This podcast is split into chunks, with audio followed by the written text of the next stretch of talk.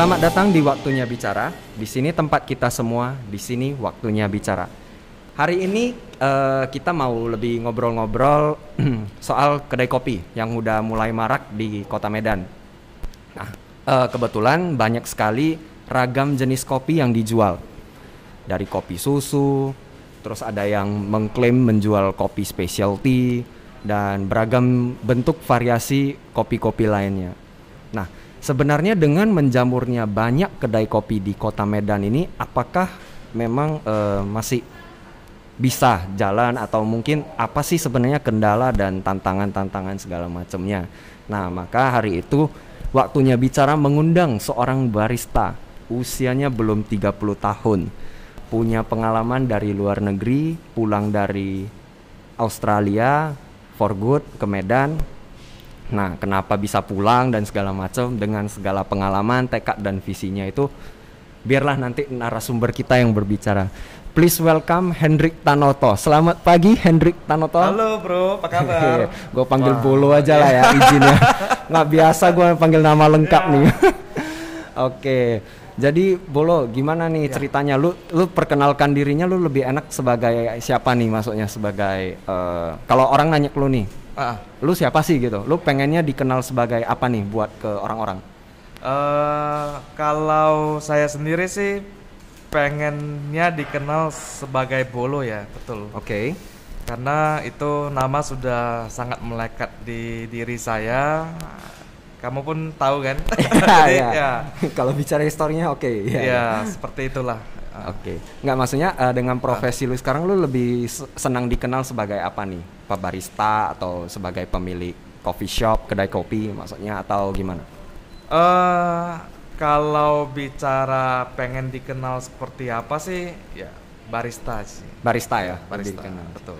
Oke, nah jadi kan tadi aku sempat Ah, ah. singgung nih di Ah, awal, mungkin ah. teman-teman penasaran nih, berarti eh, Bolo udah pernah nih dari Aussie, ya kan? Betul, Pulang betul, ke Medan. Itu kenapa tuh sebenarnya? Karena pulang ke Medan. Kan di sana sebenarnya secara kehidupan kita bilang nih, Ci, Ya, kan lebih ya. lebih enak kan? Semua orang tahu loh soal itu. Pasti. Eh ya, jadi awal perjalanan kenapa saya bisa ke Australia itu eh, awalnya tahu infonya dari temen. Oke. Jadi namanya Frankie nih. Siap, siap. Nah, jadi setelah saya kan pernah kerja kantoran di Jakarta selama beberapa tahun Mhm. dan eh, saya rasa saya nggak nyaman untuk bekerja di belakang komputer. Oke. Ya, lalu saya mendapat informasi bahwasanya eh, ini nih ada kesempatan kerja di Australia. Kesempatan kerja di betul, Australia. betul, betul. Eh, nah, saya berpikir, wah ini kesempatan bagus karena eh, yang seperti kita tahu kalau kerja di luar negeri kan uangnya banyak nih. Oh ya, benar. persepsi selama ini Dolar loh. dolar ya. Iya, Jadi iya, betul ya, betul. it- salah satu hal yang buat saya interesting seperti itu karena eh, kalau boleh jujur kerja di kantoran tuh ya nyaman, enak, cuman eh, tidak menghasilkan sih menurut saya. Tidak Ya, menghasilkan. dulu ya pes- pengalaman saya. Oke. Sempat berapa lama tadi? Maaf. Saya di kantoran Jakarta? kantoran di Jakarta satu setengah tahun. Satu setengah Ya, tahun. Oke. betul. Dan merasa tidak cukup. Oke. Ya. Terus dengan pengalaman kamu di Aussie ini banyak yang karena kan eh, mungkin karena aku kan kenal Bolo ini ya buat teman-teman yang belum tahu udah lama. Udah Karena lama memang- banget ya, Bro. Iya. karena dari satu sekolah juga. Ya. Terus eh, perjalanan Miel ya terutama Wah, bagaimana dari nol Ah. itu juga Ah, ah. kebetulan saya dapat ya privilege lah untuk kenal lebih dekat bagaimana rumah yang di Dajam Raya itu. Nah, supaya kita enak nih teman-teman ngikutin historinya Ah, ah. pagi ini. By the kan. way ini ada pertanyaan nih. Ayo aku Maksudnya langsung ini- ditanya juga ini. Sesinya nih berapa lama? Maksudnya dibatasin Oke. nggak? Karena kalau ketemu lu, Ah. rasanya bisa Iya. ngomong berjam-jam nih. itu dia masalahnya Ada sampai- dibatasin nggak ya Iya, kira-kira? Ah. Miel aja kan kita jam 6 Wah, tutup nih. Kalau aku datangnya sore nih, waduh panjang bisa, nih sampai bisa malam. dua jaman nih. Iya makanya ini bahaya nih. Aduh, tapi ya itu sih. Ah. Memang aku request juga kan eh, Ah. podcast ini episode 3 eh boleh nggak nih sama tim kan kemarin diskusinya boleh nggak gua ngajak eh, teman gua dulu deh soalnya episode pertama dan kedua kayaknya udah terlalu serius banget. Ah, ah, ah. Sementara aku pengennya podcast ini bisa eh, lebih fluence gitu. Maksudnya lebih ya? lebih ke semua orang gitu. Nah, aku enaknya itu kalau ngobrol sama teman-teman itu biasanya ya kayak gini intonasi dan nggak terlalu kaku gitu. Beberapa feedback dan masukan dari teman-teman juga, eh lu kaku banget loh di ini. Kayak lu jadi orang lain gitu. Oke, Jadi itu oke, masukan buat oke. gue, gue mikir kan. Oke, hmm, ya. ini berkat teman-teman juga pendengar, walaupun belum banyak Ah, pendengarnya, ah, ah. walaupun belum banyak. Bukan saya mengklaim banyak teman-teman.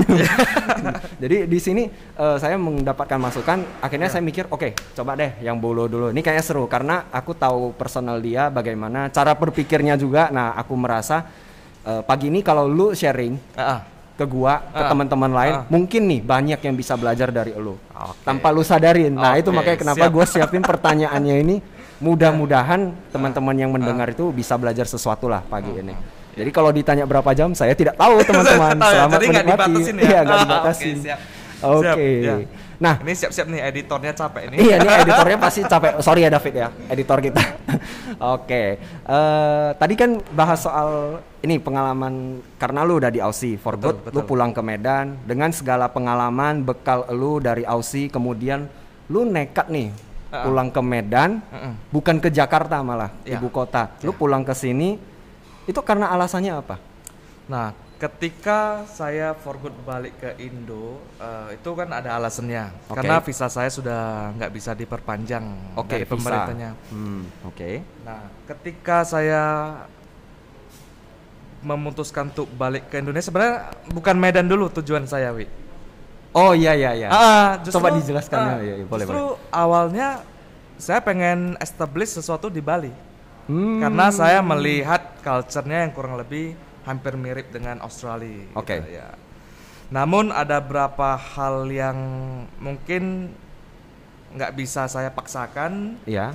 Saya memutuskan balik ke Medan. Medan. Ya, Oke. ya. Jadi berarti ini juga bukan pilihan utama setelah dari Australia, tapi Ya. karena satu keadaan balik ke sini Betul dan sekali. akhirnya di Medan. Ya. Oke, ini menarik. Ya, Eh, berikutnya. Kalau di Medan, Ah, ah, lu kan dari kecil juga di Medan. betul. Betul. lu tahu nih, ah. kalau lu hari ini mau bikin sebuah coffee shop, Yes. kedai kopi, Yes. lu pasti minimal punya insting cari tempat itu yang Ah, lebih jalannya betul, lebih betul. besar, lebih populer Iya. gitu segala macam. Kenapa? Ah, Kenapa ah, nih? ya. Harus di sebuah jalan kecil, Oke. jarang orang Ya. lewat. Bahkan Ya. itu kayaknya kalau malam itu Ah. semuanya juga sudah sepi. Betul ya ya ya. Kenapa harus jalan Dajam Raya itu? Jalan Raja Nah, Raya ya. di sana itu Ah, ah, ah, bener-bener no clue loh kita. Waktu pertama kali denger lu mau buka di sana, kita udah mikir lu gila apa lu emang nekat atau Ya, emang lu ya, punya ya. cara pandang sendiri gitu. Itu kenapa harus di sana? Ya sebenarnya banyak sekali yang ngomong gilak sih pada awalnya Oke. karena eh, memang awal rencana sendiri juga saya pengen buka nih di tempat-tempat yang sudah rame Oke. seperti yang dekat mall, perkantoran. Nah, cuman masalah pada waktu itu adalah financial saya sendiri. Oke. Siap. Nah, ketika saya memutuskan untuk ke Dajam Raya itu awalnya tuh sebenarnya saya agak ragu juga. Karena apa? Wah, ini rumah udah istilah hancur banget. Oh. Jadi gimana saya harus eh, buat biar orang bisa tertarik ke sana. Nah, seperti yang Wesley lihat sendiri kan di toko saya kan justru nggak ada papan nama, nggak ada eh, apa bahwasanya itu adalah Miel Coffee. Nah, itu mungkin ya bisa menarik orang buat masuk nih. Ada apa nih di dalam ini? Oke. Nah, jadi ya pada awalnya kenapa saya bisa milih Dajam Raya pertama karena alasan finansial. Oke. Nah, nah kedua eh, ya eh, kembali lagi pada dasarnya saya ingin mencari lokasi-lokasi yang belum dikenal orang. Oke. Ah, ah, karena ya mungkin pada waktu itu cuman ada beberapa coffee shop ya yang di sekitar salah satu adalah boleh sebut Ya boleh boleh nggak apa-apa. Eh, Le Cafe ya, Ya, benar. ya. Jadi saya melihat ya ini mungkin kesempatan saya. Kesempatan Gitu. benar. Ah. Oke, eh, ini menarik ya. Aku lebih digin ya, izin ya, Ah, lebih ke dalam. boleh, Karena boleh, lu tadi singgung soal finansial, mungkin biar teman-teman yang mendengar lebih paham. Ah, ah. Sebenarnya finansial ini dalam hal eh, terbatas dana kan, benar? betul, kan? betul. Terbatas dana. Terbatas dana Ah. dan memang rumah sewa di sana lebih terjangkau dibanding Betul. di tempat lain, benar Betul, gitu ya. yes. Nah itu, jadi teman-teman ternyata dengan eh, isu seperti ini ya menunjukkan Bolo ini ya memang manusia gitu realistis jadi bukan karena pengen nekat oh ya karena saya melihat peluang ini tidak memang karena situasinya ya udah memang dana yang Betul, segini karena- cukupnya Betul, betul. Oke, Karena memang eh, berangkat dari masalah finansial pada awalnya sehingga saya nggak mau memaksakan kehendak saya sendiri ya untuk eh, membayar rent yang mahal. Oke. Jadi saya eh, berusaha mencari tempat yang reasonable lah. Iya, istilahnya. karena saya memang eh, kebetulan Ah. kan tahu saya pernah lihat kan kondisi di rumah itu yang memang Wah, masih sebelum gila. seperti sekarang ya, belum dicat Dulu- biru. Eh, eh, eh, betul, Beneran betul. rumah kalau lu ada fotonya lu kalau posting orang pasti terkejut sih. Yes, ya, ya. Lu ada simpen kan? Lu kalau kayaknya lu simpen. udah setelah ini udah setahun belum ya Mia? Udah satu tahun tiga bulan, Wi. satu tahun tiga Ah, bulan Udah ya, nggak kerasa berarti. sih. Nggak terasa ya. Nggak terasa banget itu ya. Desember ya, kalau nggak salah. Dulu Berarti sebelum buka masih nyari kamu ya? Iya, makanya na- kita nanya-nanya konsultasi. apa eh, konsultasi tentang ini. Iya makanya Iya, jadi iya, jadi aku bener-bener tahu banget loh itu situasinya terus disulap jadi seperti ini dan memang ini culture baru. Kalau menurut saya sih Ah, ah. kemarin karena saya nggak tahu ya soal financial issue Ah, ah. soal itu Ah, eh, ya udah oh ini memang ada peluang tapi Ya. harus pelan-pelan. Ternyata Ya. dalam satu tahun tiga bulan progres lu ini panjang nih kita bisa cerita nanti Ya, lebih ya. ke belakang deh. Ya. Oke aku ada satu yang mau aku tanyain juga nih karena gue tahu lu di Aussie itu di bidang kuliner. Betul. Lu ya. penger- eh, pekerjaannya pengalaman kerjanya Ya. khususnya di bagian masak memasak nih Yes, betul. pulang Medan setelah nggak jadi ke Bali Ah. lu kenapa bikin kedai kopi bukan jual buka kafe aja gitu Nah, sebenarnya eh, dulu di Aussie banyak orang tidak tahu bahwa saya awalnya bekerja sebagai buruh kasar, Wi. Jadi Oke. Eh, saya petugas kebersihan. Saya awalnya masih belum terjun di dunia F&B. oke Nah, kebetulan eh, ketika saya punya kesempatan buat bekerja di sebuah restoran, saya benar-benar ingin belajar gimana sih cara mereka eh, mengatur manajemennya. Nah, posisi pada awal saat itu adalah sebagai dishwasher atau pencuci piring. oke Nah, dari sana berangkat saya benar-benar eh, tekun belajar eh apa bekerjanya Mhm. Nah, namun eh, lalu bos saya notice ini. Loh, Oke. ini kok eh, Hen ini kok sepertinya rajin ya. Nah, jadi dia eh, memberikan kesempatan buat saya belajar tentang kopi. Jadi sebelum saya eh, bekerja di dunia masak-masak, saya adalah barista. Oh berarti lu emang sempat jadi barista setelah Yes. dishwasher tadi ya Yes, pekerjaan yes, tadi ya, Oke, ya. Saya diberi sekolah eh, kopi. Lu di dikasih Melbourne. sekolah sama ya, bos dari lu? bos saya. Ya, Wah betul. gila Betul, Dikasih betul. sekolah. Itu sekolah kopi dulu masih ini kan masih mahal kan buka Se- terjang ya, sangat mahal kan sekali. itu tahun 2000 berapa nih 2016. kalau gua- 2016 Ya. 2016 itu kalau aku nggak salah ingat Ya. tuh lagi booming banget tuh kopi betul, Australia betul, betul. Sangat booming sekali. oke terus Ah. lanjutnya gimana tuh setelah jadi barista Nah, setelah jadi barista, kemudian restoran yang saya bekerja itu kan tutup karena eh, ownernya nggak diberi sewa lagi. oh Jadi oh ternyata saya- di Australia ada isu seperti di Medan juga ya sama, sama. oke Nah, jadi kan saya harus mencari pekerjaan lain.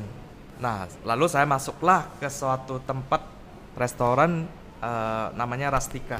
Rastika Nah, oke Jadi eh, Rastika ini adalah salah satu restoran yang benar-benar eh, banyak dikenal orang karena kualitasnya. oke Nah, jadi ketika saya masuk, saya jadi barista. Saya buat kopi, buat customer. Saya belajar lagi gimana caranya buat mengelay- melayani customer. Karena kan selama ini ketika di tempat dulu saya bekerja kan saya kurang berkomunikasi. oke Tapi di tempat baru saya diberi keleluasaan nih. Hen, kamu bebas deh kalau mau eh, ngobrol dengan customer. Jadi saya dari sana saya belajar hal Oh. baru. Ah, ah. Berarti karena itu makanya kenapa ini ya kalau Ya, penilaian gua ah, sendiri ah. sebagai tamu elu nih customer Yes, di yes, Miel ya, ya. itu gua lihat memang dan aku juga dapat ya pendapat Ah. dari beberapa teman-teman apa sih yang bikin lu itu eh, sering ke Miel karena memang ada satu nilai istimewa yang menurut kita semua nggak terlupakan nih dari Ah, Miel ya ah. itu karena keramahan lo, super ramah bahkan. Masa sih? Iya serius Ah, gua. bisa lu aja boleh nih. nanya deh sama temen. Gua nggak, gua nggak bercanda serius. Itu banyak banget yang bilang Ah. lu itu ramah banget. Ah. Bahkan lu itu bisa mengingat. Oke lah kalau nama gua karena Oke. kita kenal lama, Ah, lu kenal, lu, lu, lu ingat nama gua. Ya. Nama-nama orang baru itu setiap hari kan datang terus betul, pelanggan lu. betul, betul, Wi. Lu bisa mengingat itu semua. Nah ini gua gua mikir nih.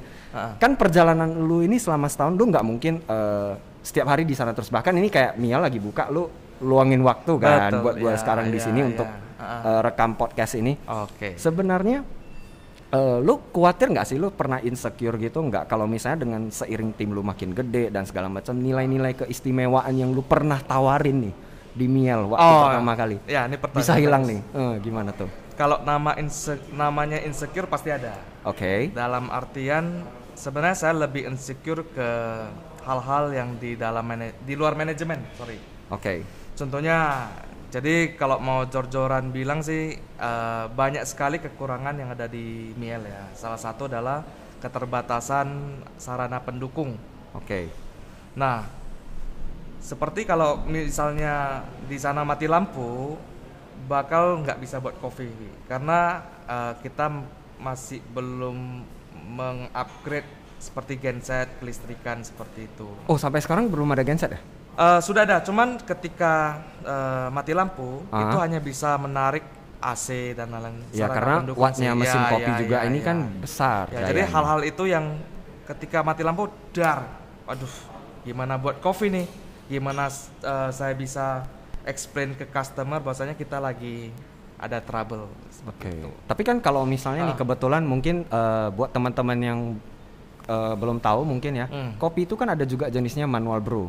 Ya, itu berarti tetap bisa diseduh kan? manual brew masih tetap bisa diseduh. Oke, berarti at least eh, customer yang datang dikasih pilihan. Yes, betul, Nggak betul, sampai operasional ya, Ah, ah, semua ah, gitu ah, deh. Ya, Oke, ya, oke. seperti itu. Terus kalau bicara filosofi nih dengan tim lo, lu kan Ya. sempat tadi singgung soal insecure lu pasti ada dan segala macam. Ya. Sebenarnya apa sih yang berusaha lu tanamin eh, filosofi nilai eh, ke tim lu semua ke di Miel? tim gua ya. Jadi Ya. saya selalu berusaha eh, menanamkan nilai kejujuran, terus eh, keuletan eh, dan komitmen. Komitmen. Ya. Oke. Nah, kalau misalnya Wisely tahu, staff saya tuh eh, semua bukan, maksudnya rata-rata itu berasal dari kampung yang jauh-jauh. Ya, ya. Nah, seperti ada yang di Siborong-Borong, ada yang di Nias, ada yang di Brastagi. Nah, eh, ini juga ada ceritanya kenapa saya bisa memilih eh, tim-tim saya yang malah tidak punya pengalaman di belakangnya. Oke. Nah, rata-rata di Miel itu staff saya tuh nggak ada background FMB-nya. Ya bahkan nggak ada sekolah dari kopi lah kita Tidak bilang. ada, sama Tidak sekali ada kan? zero, zero benar. experience. Nah itu kenapa tuh? Nah itu berangkat dari pengalaman dulu saya nih. Jadi saya ketika mau merekrut orang, saya mikir kembali di saya nih.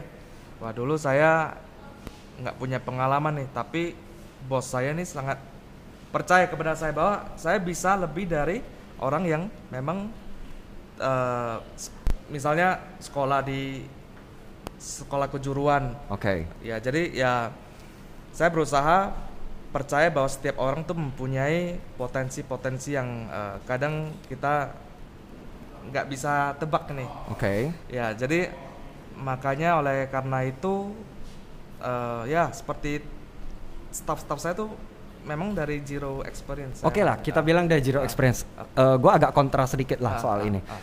Oke, dengan cara berpikir seperti lu tadi, Mm. oke lah karena lu di Australia. Ya. Memang environment lingkungannya semuanya Ya. satu kultur kita bilang. Ya, Ini Medan loh. ya. Orang-orang cara berpikirnya nggak gitu bro. Orang itu memang lebih kayak apa yang bisa aku dapat sekarang aku bakalan dapat dulu. Terus nanti aku ya udah misalnya dalam hal spesifik ya, oke aku belajar Ya. dari lu deh. Oke. Tapi gua nggak akan kasih lu loyalty atau apa gitu. Gue Oke. pasti nanti sampai satu saat gue udah pinter nih, gue udah bisa nih. Ah, ah. Gue akan keluar, gue buka coffee shop sendiri Oke, juga bisa itu. Nah, ini yang lu pernah aware orang gak? Nah itu. eh, kasih tahu nih, Hen, lu kenapa mau ngajarin semuanya ke staff lu? Nanti staff lu buka sendiri, gitu kan? Karena selama ini mungkin persepsi orang eh, malah kita gimana ya takut nanti dia establish sendiri nih. Iya benar. Nah, namun saya eh, hanya menjawab memang di Mil itu saya mau semuanya berkembang. Oke. Jika suatu saat mereka bisa buka usaha sendiri, why not? Gitu kan. Dan saya akan tetap support mereka di mana pun mereka berada. Wah gila loh. Ya, karena bagaimanapun juga, ya eh, saya senang sih eh, dalam artian kesenangan saya tuh bukan financial. Kita butuh financial, tapi kesenangan saya lebih ke mereka bisa istilahnya eh, kalau mancing bisa mancing sendiri. Oke. Ah, bukan diberi ikan setiap hari, tapi mereka tahu cara memancing ikan. Berarti lu emang dengan merekrut Trim aja lu udah nggak ada ekspektasi emang dia itu wajib ikut sama gue terus Enggak, nih. sama sekali enggak. Bahkan di di Mil sendiri nggak pernah minta ijazah, tidak pernah minta apa pun. Oh ijazah itu maksudnya tahan ijazah Tahan, ya? iya. Iya kan? Jadi ketika kamu datang mau kerja, saya bakal eh, train kamu yang terbaik. Wih. Semuanya tidak mandang eh, memandang-mandang ya. Oke oke. Ya, Gak lama setelah Miel buka nih, kita Yes, tahu lah dengan lu Gimana? buka di Dajam Raya Ah, ini, ah, ah, ah. eh, kemudian ada banyak juga yang mulai buka usaha. betul. Nah, terutama nih neighborhood pas di sebelah lo. Kebetulan iya. kan gua Si mau Elva ya? Iya, Ah. si Elva. Ah. Gua kan tahu lu eh, ceritanya udah. Tapi kan teman-teman lain mungkin belum pernah denger nih Ya, kisahnya ya. gimana kolaborasi kalian, cara kalian saling berbagi. Mm. Memungkinkan eh, karena itu tadi dia kan jualannya brands nih. Yes. Australian style. Ya. Di mana kalau aku bilang biasanya brands Australia itu biasanya ada kopi tuh sebagai Betul, pelengkap itu udah normal gitu. Betul, betul, nah betul. harusnya dengan konsep seperti itu dia itu punya kapabilitas juga untuk menjual kopi. Tapi dia nggak menjual kopi kan sampai hari ini kan. Nah, yang setahu saya sih nggak jual ya. nah nggak Ya, jual. Tuh ya. gimana sih kalian bisa sampai ngobrol, kolaborasi dan punya eh, sama-sama punya saling jaga satu sama lain gitu? Oh ya, jadi pada awalnya Elva memang regular customer di Miel. Oke. Nah, eh, ngob- ngobrol-ngobrol, eh, ya tiba-tiba Elva pengen establish eh, suatu usaha. Oke. Nah, karena mungkin background beliau itu adalah di bidang eh, F&B juga. F&B Ya, benar. Yang setahu saya dia pernah sekolah di Singapura ya. Oke. Singapura. Jadi ya eh, dia punya rencana buat buka usaha makanan nih, karena saya kan nggak jual makanan. Iya. Nah timbul ide, yuk kita kolaborasi aja, gitu kan. Ah. Jadi karena keterbatasan saya dalam eh, kan saya nggak sanggup buat kitchen. Kitchen, ya. Nah beliaulah yang support. Iya, soalnya Ah, ini menarik, ah, ah. bro. Kenapa? Ah. Karena budaya orang Medan itu biasanya kalau aku bisa jual apa di satu tempat, aku pasti jualan tuh di Nah, semua satu ini tempat. ini Jadi kalian itu anomalinya gitu. Eh, ini luar biasa sih menurut saya. Eh, saya juga sampai hari ini merasa, wah kenapa saya disupport ya gitu. Nah, bener tuh. Nah, mungkin karena ketulusan kita ya, dalam arti eh, kita ingin yang terbaik buat eh, orang lain juga. Mungkin orang lain bisa menilai. Oke. Nah, sampai hari ini juga saya sangat bersyukur sih. Jadi eh, selama perjalanan saya di Mil banyak sekali orang-orang yang eh, suportif terhadap saya dan Hmm. saya benar-benar eh, sangat tulus mau berterima kasih kepada semua orang yang terlibat. Wih, keren. Ya, ya. Oke. Sampai hari ini, Wi, kayak em, saya bisa kenal beberapa orang yang hebat seperti Ko Benny, kamu, Ci Elva, eh, Ko Paul dari Le Cafe. Itu berkat support-support orang seperti itu. Ya, bahkan yang kalau Le Cafe aku masih ingat nih, Ya. pas lu awal-awal kurang susu, Iya. lu bahkan bisa pinjam loh. Sampai hari ini Dipinjemin. saya sangat eh, amazed sih. Bahwasanya eh, selama ini kan stigma tentang orang Medan kan itu ya kita tahu lah. Ya, benar. seperti apa tapi ternyata eh, nggak seperti itu Ya, di, Malah- di level anak mudanya ternyata mulai ada pergeseran Iya, cara iya, pandang. betul loh. Dan itu adalah sebuah harapan bahwasanya Medan itu bisa lebih baik. iya betul itu sekali. kenapa ada waktunya bicara cie bukan bukan bukan promosi Ah, bukan promosi maksudnya gini eh, tujuannya itu ya supaya kita lebih ngasih lihat nih sebenarnya nggak buruk-buruk amat loh Medan itu Ah, ah, ah, ah, betul. banyak orang-orang yang sebenarnya sudah punya pikiran global Iya, iya. hanya saja mereka jarang bicara lebih banyak action makanya butuh sebuah forum, Sebuah forum ya, yang iya, netral, iya. Uh, yang uh. aku bisa ngumpulin kalian semua. Misalnya Uh, uh, hari ini kan ada lu, ada Iya, cerita Elva kan. Ya. Nanti mudah-mudahan Elva kalau dengar aku ngundang dia maulah ke sini Yes, juga untuk saya, ah. iya untuk sharing juga dari perspektif dia Ya. karena memang kalian itu keren-keren banget sih menurut aku eh, cara pikir kalian itu yang harus semua menular ke semua orang gitu Ya, untuk betul, anak muda dan memberikan semangat bahwasanya eh ini kota lu loh Ya. nggak jelek-jelek banget lu nggak usah selalu eh, merasa minder tinggal Ya. di kota ini Ya, betul. karena dengan pergaulan lu dan cara pikir kamu kalau di lingkungan yang tepat lu juga bisa belajar hal yang banyak lah gitu menurut gua Sangat banyak. Benar oke oke kita lanjut nih kok Yes. jadi gua yang menyimpulkan ya kebiasaan saya Kebiasaan. Oke, jadi kalau boleh dilanjut, gue tahu nih, mungkin kalau lu nggak keberatan buat sharing kan, Ya. akhirnya lu punya kesempatan Betul. buat ekspansi ke Bali. Betul. Ya. Walaupun sempat tertunda ke Medan dulu, Ya. akhirnya ke Bali. Ya. Sebenarnya gimana sih sebenarnya progresnya? Apalagi kan nih karena situasi pandemi. Ah, ah. Nah, lu rencananya kapan buka? Terus progresnya all good nggak sih so far? Nah, eh, sebenarnya untuk progres masih berjalan. Oke. Namun karena tertunda COVID ini ya sempat kita postpone dulu. Dalam arti ya jangan terlalu dipaksakan. Oh, jadi berarti situasi di sana sedang tidak bekerja gitu atau Eh, gimana? Sekarang sudah mulai. Oh, sekarang udah ah, mulai. mulai Ini kembali. prosesnya lagi di mana? Konstruksi atau sudah Lebih jadi? dikonstruksi. Masih dikonstruksi Ah, ya ah, berarti ah, ya. Betul betul. Rencananya berarti belum dapat gambaran atau gimana? Rencananya sih Ya rencana indah lah kita eh, bilang. September ya. Oh, September udah? harusnya April sih. Oh, Harusnya seharusnya April, udah- April. Udah, udah opening. Jadi ya kita Oh. tunda. Mungkin ya kalau bisa sih September bukan. Oh gitu ya. Ah. Ya, jadi buat teman-teman pendengar eh, mungkin karena biar lebih jelas, jadi Ya. Mial ini bakalan ekspansi di Bali. Kebetulan dapat kesempatan Terima eh, kasih. di daerah mana kalau boleh Canggu. tahu? Di daerah Canggu, teman-teman. Jadi ya. nanti kalau misalnya jalan-jalan ke Bali, Ya. singgahlah ke Miel di Bali. Ya. dukung eh, kedai kopi anak lokal dari Medan ke Bali, bukan Nah. dari Bali ke Medan. Cie. Pada so- awalnya memang kenapa saya harus Bali? Ah, kenapa tuh? Saya pengen banget nih eh, ada sebuah coffee shop yang di luar di luar kota sendiri. Oke. Kan Di luar kota kan, sendiri, eh, siap. Selama ini kan eh, yang saya lihat kan kalau coffee shop kan Medan-Medan aja. Oke. Jadi ya memang ini tantangan tersendiri buat saya nih. Oke. karena eh, nah salah satu insecure saya bisa nggak ini di Bali. Oke. Tapi berangkat dengan iman saya, dengan keyakinan saya, saya harus nunjukin nih bahwa Medan juga keren.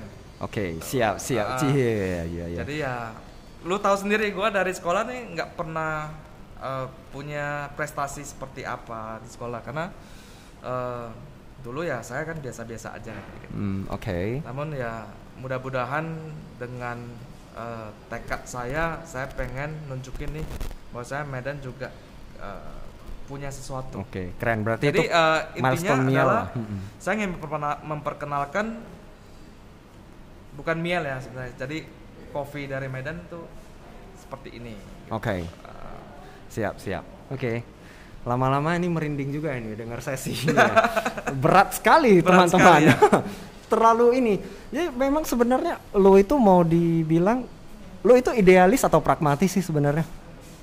Kalau mau dibilang ya, saya lebih ke idealis sih. Lo ke idealis ya? Ya, ya, Wah ya. gila sih lo. Visi misi ya, saya orangnya kalau lebih visi misi sih. Oke, lo lebih ke visi misi ah, ah. dan emang ya itu terbukti sih dari yang lo kerjain dari perjalanan lo ya. Jadi memang teman-teman mungkin mudah-mudahan yang mendengar sesi kita ngobrol hari ini Ah, bisa ngelihat gimana orang yang memang punya idealis itu eh, bisa mewujudkan mimpinya. Tapi lu harus siap dengan segala sakit-sakitnya juga. Lu jangan mikir enaknya aja gitu kan. Kayak lu tadi lu sempat dari dishwasher, terus jadi barista, Ya, masuk ke frontliner lah kita Ya, bilang ya, kan. ya, terus ya. kemudian balik lagi pulang punya kedai kopi sendiri dan sekarang malah udah ekspansi mau ke Bali dalam satu tahun tiga bulan gitu. waduh. Waduh itu you gila loh, itu kayak rapid banget loh, lebih kenceng dari rapid test loh itu.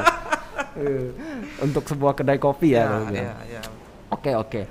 Eh, jadi sebenarnya gue mau ke arah closing nih, udah Ya, mulai ke closing ya, deh, ya. ya kan. Kalau nggak nanti kepanjangan, Kepanjangan ya. kita ngobrolnya ke mana-mana, Betul, pendengar juga bosen. Gue punya satu pertanyaan yang menurut aku ini sering dibicarakan eh, soal benar salahnya. Ya. Netizen ini sering mempermasalahkan mana yang tepat, mana yang tidak tepat. Nah, gue mau minta Seperti pandangan. nih? Nah, Ya. makanya gue mau minta pendapat lu nih. Ya, baik. Pendapat lu banget lah gitu, yang Ya. personal gitu. Ya. Komentar lu soal kopi A lebih baik dari kopi B. Misalnya nih, kita nggak sebut Ya. merek, kopi Ya. Duyung kita bilang, Ya. yang udah terkenal gitu. Ya. Atau kopi sachet, sempat viral kan dulu kan, sempat Ah, ah, hits dibicarakan. ah, ah. Itu nggak lebih baik dari specialty coffee loh. Kayak misalnya yang disajikan oleh Miel, Ya. misalnya Pilastro misalnya. Ya, ya. apa. Nah, padahal kalian juga nggak terlalu mengklaim kalian tuh specialty coffee. Oke. Maksudnya ya udah jualan kopi gitu doang Betul, kan betul. gitu. Nah, itu maksudnya eh, lu sharing deh ke kita pendapat lu aja gitu. Kalau menurut saya kopi yang enak tuh kopi yang bisa dinikmatin. Even eh, mau kopi apa pun seperti saset, Oke. ketika kamu menikmatin tuh kopi yang enak gitu. Jadi eh, nah kalau menurut saya specialty coffee ini nah eh sebenarnya visi saya untuk membuat specialty coffee itu bukan seperti yang oh ken- kenapa ini bisa spesial. Jadi saya lebih eh, mengubah ke arah radikal bahwasanya eh, specialty coffee itu lebih ke komunikasi antara eh, barista dan customer. Jadi kan selama ini kan ketika kita pesan kopi kan misalnya satu satu americano nih. Ya, satu americano yang keluar. Tapi eh, saya melihat ada apa yang kosong di tengah-tengah itu apa yaitu komunikasi.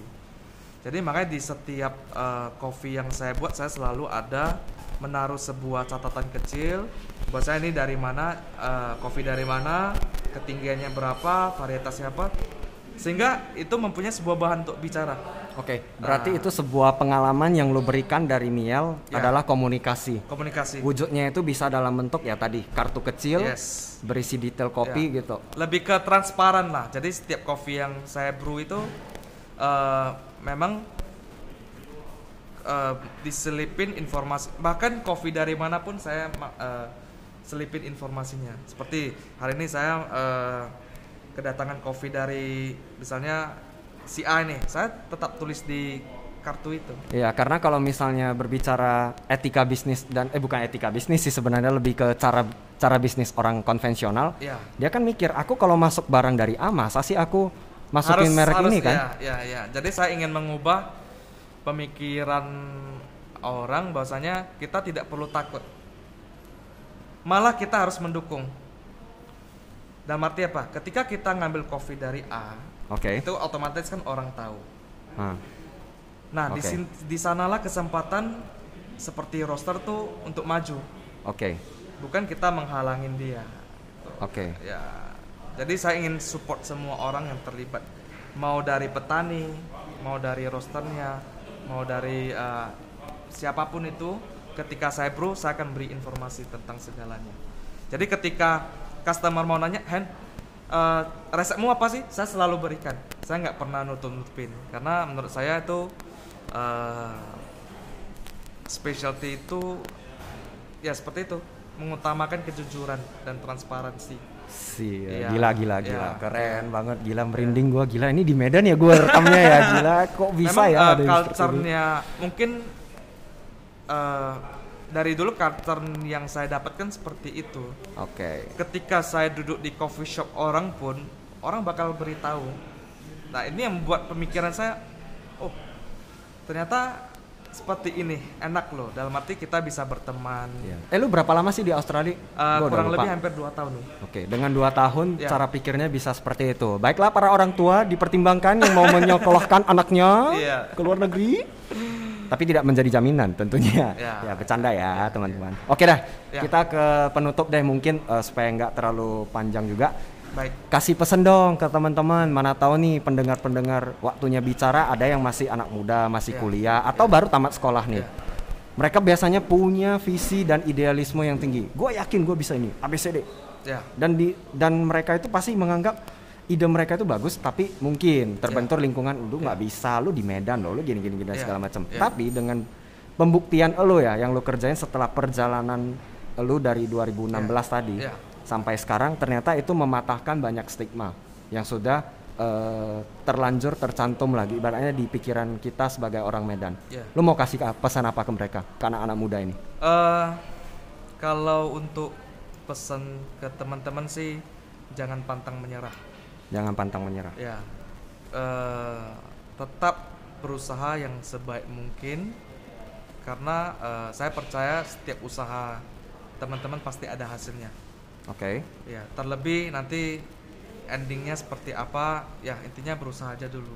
Nah, ketika mulai usaha, tanamkan nilai-nilai kejujuran di dalamnya. Terakhir itu kejar passion kamu seperti apa.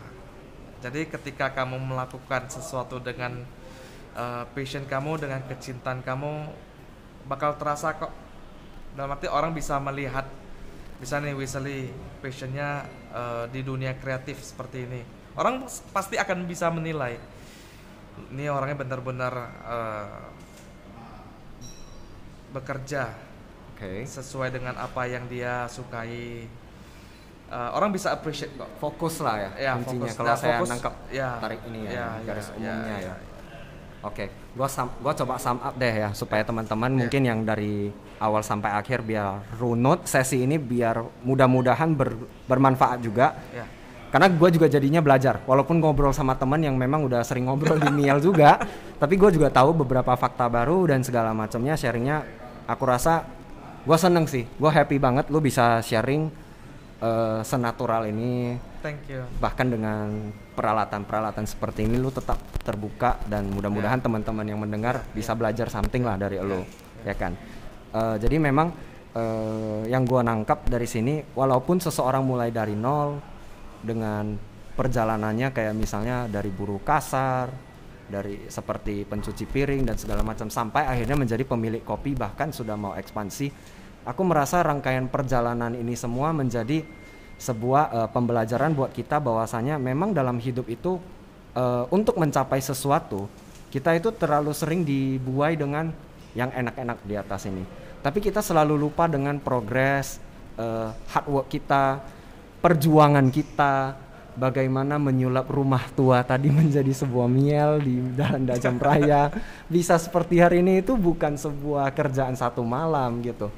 Walaupun termasuk cepat, ternyata dalam ya kan karena setahun tiga bulan loh, belum tentu loh hari ini nih misalnya nih gua mau bikin kayak lo, gua punya histori kayak lo, belum tentu gua bisa dapat seperti itu bro. Kita diingatkan kembali tentang eh, perjuangan tadi. Terus nilai-nilai dalam berbisnis tadi yang aku dapat itu keren banget menurut aku yang mulai hilang di pemikiran kita kebanyakan sebagai anak muda itu soal kejujuran, keuletan dan komitmen. Itulah yang ada ditanamkan, yang dicoba ditanamkan oleh si Bolo tadi di Miel kita bilang, ya kan. Terus soal ketulusan juga, lalu juga bagaimana mengubah eh, komunikasi sebagai nilai jual Ya, betul. Miel membedakan dengan kedai kopi lainnya dan Bala lu mengencourage kopi kedai kopi lain untuk berbuat hal demikian kan Ya. lu nggak merasa itu adalah mereka itu sebagai saingan gitu Sama sekali tidak. bahkan lu Om. pengen mereka belajar Ya. eh, mencoba hal ini Betul. karena memang kita itu satu, satu sebuah ekosistem support system lah Yes. dari petani eh, terus sampai pengiriman misalnya sampai ke kedai kopi sampai kita penikmat kopi sendiri Ya, gitu betul. aku percaya nilai itu sebuah nilai positif yang bisa kita belajar kita bawa mudah-mudahan memberikan warna baru di kota Medan thank you Thank Bolo you, thank you Wesley. udah Thank luangin you. waktunya Makasih pagi banyak. hari ini Ya.